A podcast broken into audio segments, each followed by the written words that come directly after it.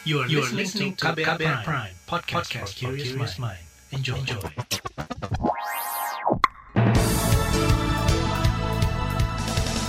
Anda mendengarkan buletin pagi hari ini edisi 25 Agustus 2021 yang dipersembahkan oleh kantor Berita Radio saya Reski Mesanto. Pagi hari ini kembali saya siap menjadi teman Anda selama kurang lebih 30 menit ke depan dan pagi ini kembali tim redaksi KBR juga telah menyiapkan sejumlah informasi untuk Anda. Di antaranya, Luhut usul sistem negara diperbaiki, DPR soroti kinerja penanganan pandemi. Menkes minta daerah tak tahan stok vaksin COVID-19 dan cabut izin perusahaan sawit, Bupati Sorong digugat. Dan saudara inilah Buletin Pagi selengkapnya. Terbaru di Buletin Pagi. Saudara Menteri Koordinator Bidang Kemaritiman dan Investasi Luhut Binsar Panjaitan mengusulkan sistem tata negara perlu diperbaiki guna menghadapi ancaman COVID-19. Luhut yang juga koordinator pemberlakuan pembatasan kegiatan masyarakat atau PPKM Jawa Bali menyebut, virus corona masih mungkin terus bermutasi sehingga ada potensi Indonesia menghadapi gelombang pandemi di masa mendatang. Uh, saya mengatakan bahwa sistem bernegara kita, tata eh, kelola bernegara kita mesti perlu ada revisi secara nasional, duduk, karena begitu keadaan darurat, ternyata sistem yang kita punya itu tidak jalan. Jadi saya ngalamin sekarang bagaimana misalnya garis komando dari pemerintah pusat, gubernur ke kabupaten kota itu perlu ada perbaikan di sana sini dan di pusat pun sebenarnya penanganannya sendiri mengenai dinkes sebagainya juga belum jalan. Luhut mengakui penanganan tes, pelacakan dan perawatan di Indonesia belum satu garis. Selain itu, persediaan obat-obatan juga masih menjadi masalah saat pandemi di Indonesia. Dan menanggapi usulan Luhut, kalangan legislatif meminta pemerintah lebih fokus memperbaiki koordinasi dan komunikasi ketimbang mengubah sistem ketatanegaraan untuk menangani pandemi. Anggota Komisi Bidang Pemerintahan DPR, Gus Pardi Gaus menilai, buruknya penanganan pandemi bukan karena sistem yang kurang baik, namun pada penerapannya di lapangan. Dia juga meminta Luhut menjelaskan letak sistem mana yang perlu diperbaiki. Letak negara ini kan sifatnya baku itu. Yang persoalan intinya kan masalah implementasi, masalah cara, masalah teknis. Kalau masalah cara dan teknis itu, itu bukan persoalan aturan yang yang jangan aturan yang disalahkan. Nah, masalah manajemennya, masalah artikulasi dari aturan yang dibikin. Nah, itu yang yang perlu di, disikapi. Anggota DPR Gus Pardi Gaus menyebut selama ini koordinasi antara pemerintah pusat, provinsi, dan kabupaten kota memang bermasalah. Meski begitu, dia tak yakin para pejabat yang merasa gagal menangani pandemi bakal mengundurkan diri, sebab mental pemegang kekuasaan di Indonesia enggan mundur dari jabatan yang sudah diduduki. Senada dengan DPR, epidemiolog dari Universitas Griffith Australia, Diki Budiman juga menyoroti kinerja pemerintah pusat dan daerah dalam penanganan pandemi COVID-19. Dia menilai, sejak awal pandemi, pemerintah telah keliru menyampaikan strategi komunikasi resiko kepada masyarakat. Pemerintah pusat juga kerap tak konsisten menerapkan strategi dan indikator penanganan COVID-19. Sedangkan pemerintah daerah masih tersandung sederet masalah karena desentralisasi penanganan pandemi. Sistem penanganan pandemi kita meskipun belum berjalan baik, tapi sudah mengarah eh, relatif memadai saat. Tapi dalam sistem penanganan, saya masih melihat kita belumlah memperkuat, memberdaya gunakan sistem kesehatan. Padahal itu yang penting ya dalam merespon pandemi saat ini dan kita nggak bisa membangun sistem yang nggak sustain, gitu, nggak berkelanjutan. Dan ini berbahaya. Epidemiolog Diki Budiman menyarankan pemerintah harus menerapkan sistem kesehatan berkelanjutan untuk pengendalian pandemi. Kata Diki, pemulihan kesehatan akan diiringi dengan pemulihan ekonomi, sosial, dan lainnya secara bertahap. Sementara itu, Saudara Pusat Studi Hukum dan Kebijakan Indonesia atau PSHK menilai pemerintah terlambat menyadari ada persoalan dalam tata kelola penanganan pandemi COVID-19.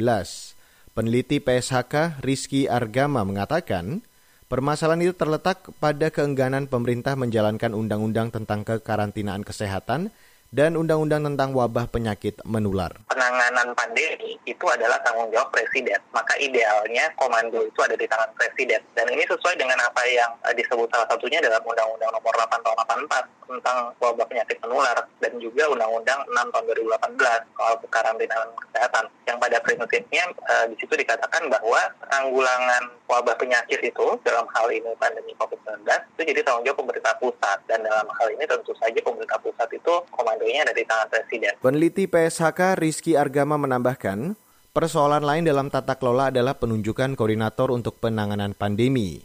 Dia menyayangkan penunjukan Erlangga Tarto dan Luhut Binsar Panjaitan sebagai koordinator yang sebetulnya tidak punya tugas dan fungsi terkait situasi darurat kesehatan. Kemarin jumlah kasus positif COVID-19 di tanah air bertambah 19.000 orang sehingga total menembus 4 juta kasus. Angka kematian juga masih bertambah di atas 1000 per hari. Dan selanjutnya di Buletin Pagi, Menkes minta daerah tak tahan stok vaksin COVID-19. Informasi selengkapnya sesaat lagi, tetaplah di Buletin Pagi. You're listening to KBR Pride, podcast for curious mind. Enjoy!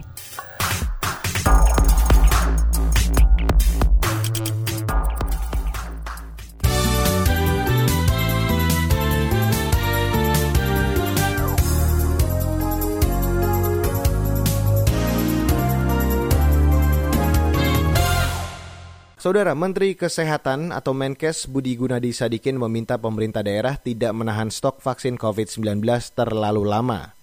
Dia menyebut saat ini masih banyak daerah yang menahan stok vaksin untuk suntikan kedua.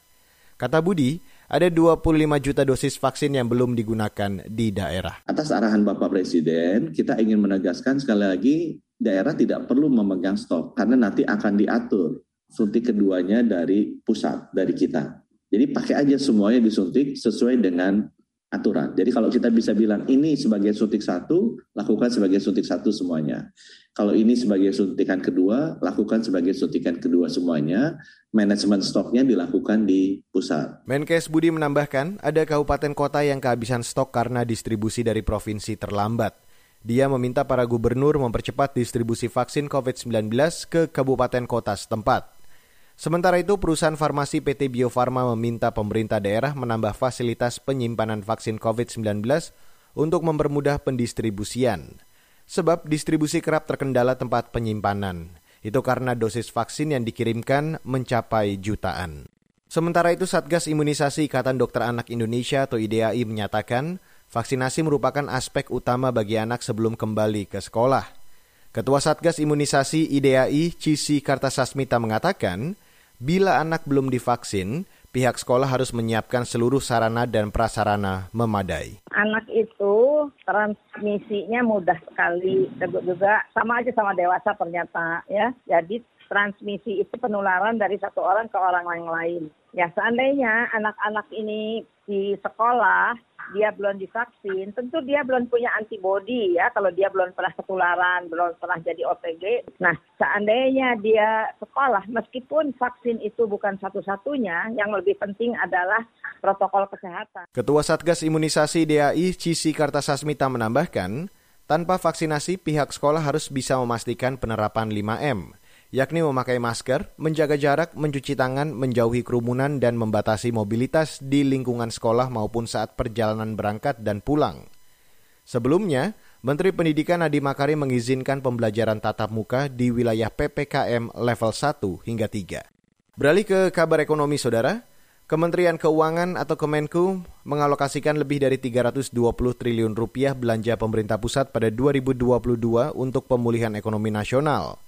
Menteri Keuangan Sri Mulyani Indrawati mengatakan, anggaran itu diperuntukkan untuk belanja di bidang kesehatan, perlindungan sosial, program prioritas, serta dukungan bagi UMKM dan korporasi. Kita juga tetap terus mengantisipasi sama seperti tahun 2021, waktu itu kita tidak melihat kemudian kejadian terjadilah pandemi COVID-19 muncul varian Delta yang lebih mengancam menurut berbagai pandangan ahli, berbagai munculnya varian itu masih mungkin terjadi. Jadi tahun 2022 pun kita tetap harus waspada terhadap kemungkinan uh, bergerak dan berkembangnya pandemi COVID-19 ini. Sri Mulyani menambahkan, pemerintah masih mengandalkan APBN sebagai instrumen penting dalam penanganan pandemi dan pemulihan ekonomi. Beban berat tersebut menimbulkan defisit hingga 900 triliun sejak tahun lalu. Dia menargetkan akan menjaga defisit di kisaran 4,8 persen atau sebesar 860 triliun pada RAPBN 2022. Saudara Lembaga Anti Perbudakan Emancipate Indonesia menemukan industri rokok mendapatkan tembakau murah dengan cara memperkerjakan anak di bawah umur. Peneliti Emancipate Indonesia Nadia Nur Azalia mengatakan, 60% persen buruh anak berusia 10 hingga 14 tahun bekerja di sektor pertanian termasuk perkebunan tembakau. Kata dia, kondisi ekonomi keluarga petani memaksa anak-anak tersebut ikut bekerja membantu orang tua di ladang tembakau.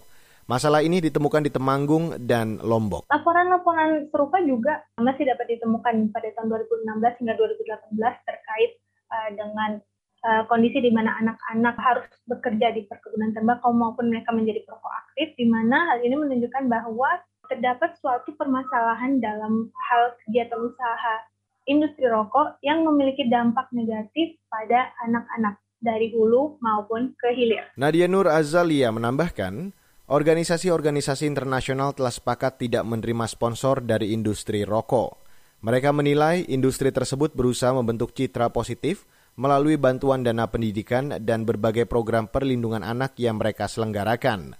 Nadia berharap pemerintah Indonesia mengikuti langkah tersebut. Beralih ke berita mancanegara, saudara. Taliban memperingatkan Amerika Serikat atas batas maksimal penarikan pasukan dan evakuasi dari Afghanistan, yakni 31 Agustus. Juru bicara Taliban Sohail Sahen mengatakan, perpanjangan waktu akan berdampak pada sejumlah konsekuensi, namun dia tidak menjabarkan lugas konsekuensi yang dimaksud. Saat ini proses evakuasi warga dari Afghanistan masih terus berlangsung. Sementara itu Taliban mulai menyusun struktur pemerintahan baru. Media Pashhok melaporkan, Taliban sudah menunjuk beberapa pejabat untuk mengisi pos menteri hingga kepala intelijen. Situasi di Afghanistan terus memanas usai kelompok Taliban menguasai ibu kota Kabul. Beralih ke berita olahraga, saudara. PT Liga Indonesia Baru atau LIB belum merilis jadwal lengkap kompetisi sepak bola Liga 1 musim 2021-2022. Sejauh ini baru jadwal tiga pertandingan yang dirilis. Laga pembuka Liga 1 akan mempertemukan Bali United versus Persik Kediri di Stadion Gelora Bung Karno. Direktur Utama PT LIB Ahmad Hadian Lukita mengatakan, Rilis jadwal dilakukan sesuai saran dan arahan Menteri Koordinator Kemaritiman dan Investasi Luhut Binsar Panjaitan. Melansir CNN, pemerintah akan mengevaluasi dahulu penerapan protokol kesehatan pada pertandingan pembuka Jumat ini. Dan dari pertandingan itu akan diputuskan lanjut tidaknya laga di pekan-pekan berikutnya. Saudara, ajang Paralimpiade Tokyo 2020 resmi dibuka kemarin sore waktu Indonesia. Upacara pembukaan digelar di Stadion Nasional Jepang. Acara dibuka dengan koreografi teatrikal. Slogan dari upacara pembukaan ini adalah United by Emotion. Sedangkan konsepnya diberi nama We Have Wings atau Kami Punya Sayap. Dikutip dari Antara, kontingen Indonesia yang mengikuti defile sebanyak 13 orang, Jainal Arifin, atlet para atletik, dan Hanik Puji Astuti dari para menembak menjadi pembawa bendera Indonesia saat upacara pembukaan. Paralimpiade Tokyo 2020 digelar hingga 5 September mendatang. Indonesia sendiri mengirimkan 23 atlet dari 7 cabang olahraga. Saudara, kita break sejenak dan nanti setelah break akan saya hadirkan laporan khas KBR yang akan membahas upaya pemerintah menurunkan angka stunting. Selengkapnya sesaat lagi. Tetaplah di Buletin Pagi. You're listening to KBR Pride, podcast for curious mind. Enjoy!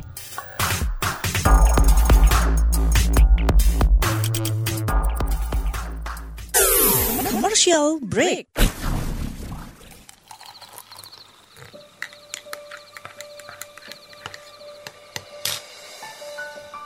Hai, kamu apa kabar? Masih suka menikmati senja dan kopi? Aku masih ingat kebiasaan kita. Sehabis pulang kerja, selalu mencari tempat untuk sekedar ngobrol dan ngopi. Tapi kadang kita kehabisan bahan obrolan. Aku masih melakukan hal yang sama sampai sekarang, tanpa harus takut habis bahan buat ngobrol. Karena aku selalu mendengarkan KBR sore dari Senin sampai Jumat jam 4 sore. Ah, aku rindu. KBR Inspiratif Terpercaya.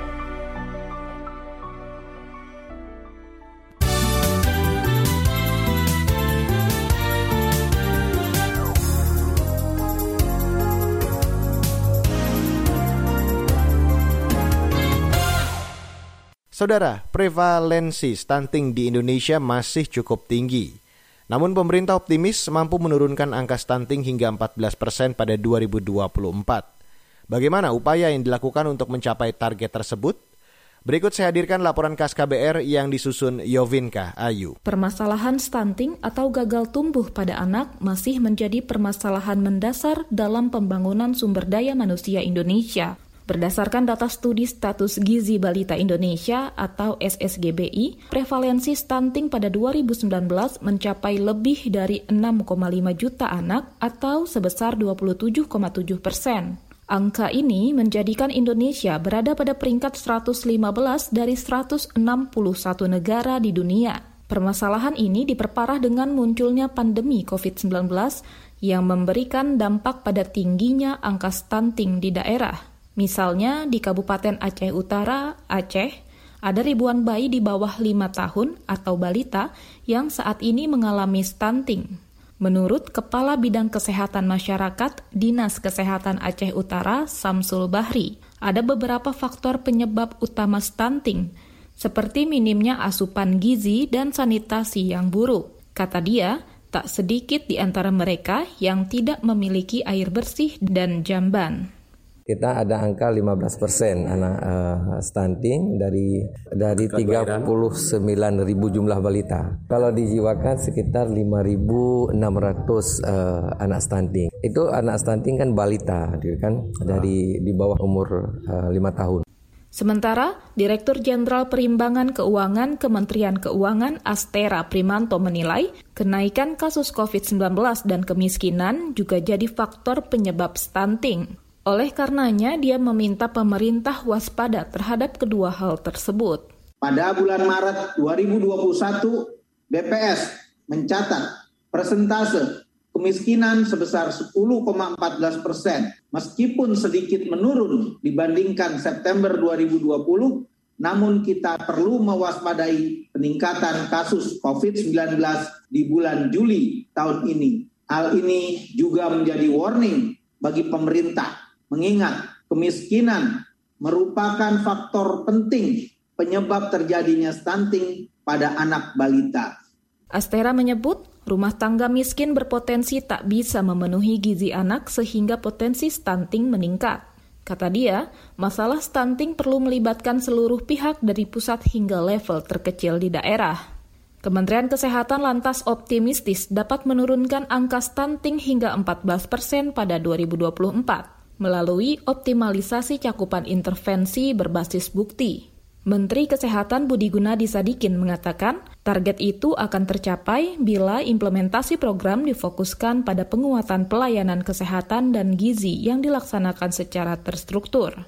Pada bidang kesehatan, percepatan penurunan stunting dilaksanakan melalui intervensi spesifik yang ditujukan pada kelompok sasaran meliputi remaja, calon pekantin, ibu hamil, ibu menyusui, dan balita. Dengan implementasi program yang difokuskan pada penguatan pelayanan kesehatan dan gizi, dilaksanakan secara terstruktur dan berjenjang di semua level pelayanan, mulai dari posyandu hingga rumah sakit.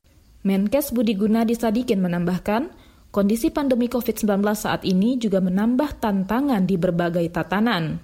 Namun, ia mengklaim berbagai upaya strategis untuk meminimalisasi dampak terus dilakukan dengan penerapan protokol kesehatan. Di sisi lain, Kementerian Pemberdayaan Perempuan dan Perlindungan Anak mendorong pencegahan stunting yang tak hanya melibatkan peran ibu, tetapi juga ayah. Menteri PPPA I Gusti Ayu Bintang Darmawati mengatakan, dibutuhkan pemahaman mengenai kesetaraan gender dalam pemenuhan hak gizi anak. Karena melindungi anak adalah tugas yang setara dan sejajar antara ayah dan ibu. Dengan begitu, hal ini juga merupakan tugas bagi ayah. Cara pandang yang setara dan saling mendukung antara ayah dan ibu dalam pengasuhan merupakan kunci dari pemenuhan gizi bagi anak pada seribu hari pertama kehidupannya untuk mencegah stunting. Bintang menambahkan, pemerintah juga perlu mendorong aksesibilitas informasi mengenai pentingnya pemenuhan gizi anak yang seimbang, terutama bagi para calon ibu. Demikian laporan khas KBR yang disusun oleh Yovinka Ayu, saya Mutia Kusumawardani. Dan saudara, di bagian akhir dari Buletin Pagi hari ini akan saya hadirkan informasi dari berbagai daerah di Indonesia. Tetaplah bersama kami. You're listening to KBR Pride, podcast for curious mind. Enjoy!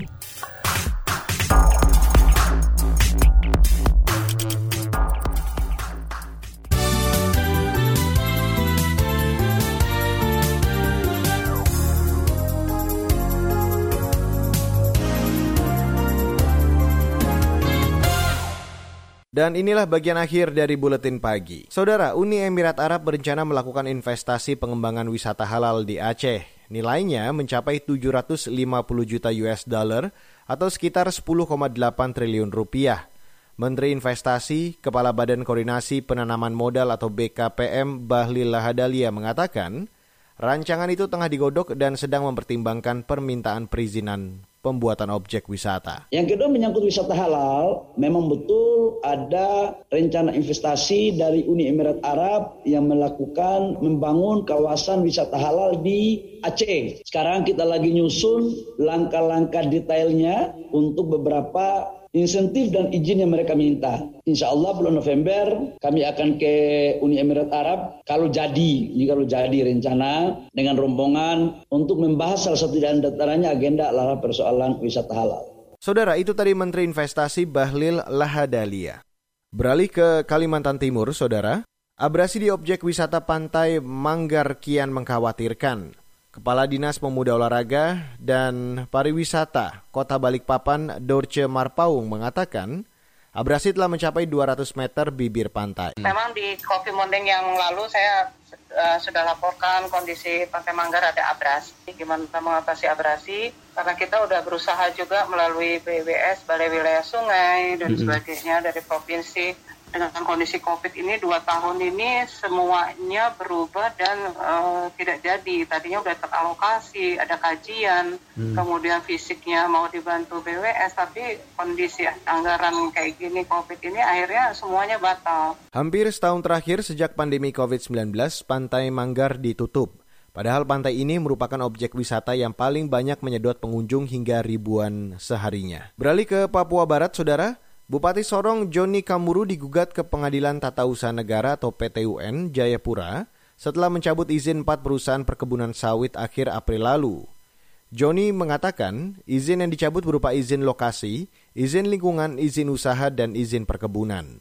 Dia menyebut pencabutan izin didasarkan rekomendasi hasil kajian dan temuan pemerintah daerah dan tim strategi nasional pencegahan korupsi terhadap pelanggaran peraturan perundang-undangan, syarat dan ketentuan dalam izin usaha perkebunan. Eh, kita cabut empat perusahaan ini memang sesuai dengan prosedur yang ada, sesuai dengan rasa keadilan yang ada, sesuai dengan kenyataan yang ada di lapangan, sesuai dengan bagaimana lingkungan hidup kita yang ada di sana, hak hak adat masyarakat yang ada di sana. Dari semua segi ini perusahaan ini sudah melanggar dan memang tidak bisa lagi di, kita toleransi. Tidak ada niat baik pun dari perusahaan digunakan izinnya itu untuk kegiatan-kegiatan lain. Bupati Sorong Joni Kamuru menambahkan, empat perusahaan sawit itu antara lain PT Cipta Papua Plantation dan PT Inti Kebun Lestari. Empat perusahaan itu diduga tidak memenuhi kewajiban dalam IUP. Perusahaan itu juga tidak melakukan kewajiban pelaporan perkembangan usaha perkebunan, perubahan kepemilikan saham dan kepengurusan izin lokasi kadaluarsa, serta kejanggalan dalam penerbitan IUP. Dan saudara informasi tadi sekaligus menutup buletin pagi untuk hari ini 25 Agustus 2021. Terima kasih untuk Anda yang sudah bergabung pagi hari ini dan jangan lupa sebelum Anda beraktivitas di hari ini pastikan protokol kesehatan selalu Anda terapkan di mana pun Anda berada. Dan juga apabila Anda tidak memiliki kebutuhan yang benar-benar mendesak, tetaplah di rumah Kurangi mobilitas karena itu merupakan salah satu cara untuk memutus rantai penyebaran COVID-19 ini. Baiklah saudara, saya Reski Mesanto mewakili tim redaksi yang bertugas pada pagi hari ini. Kami undur diri, salam.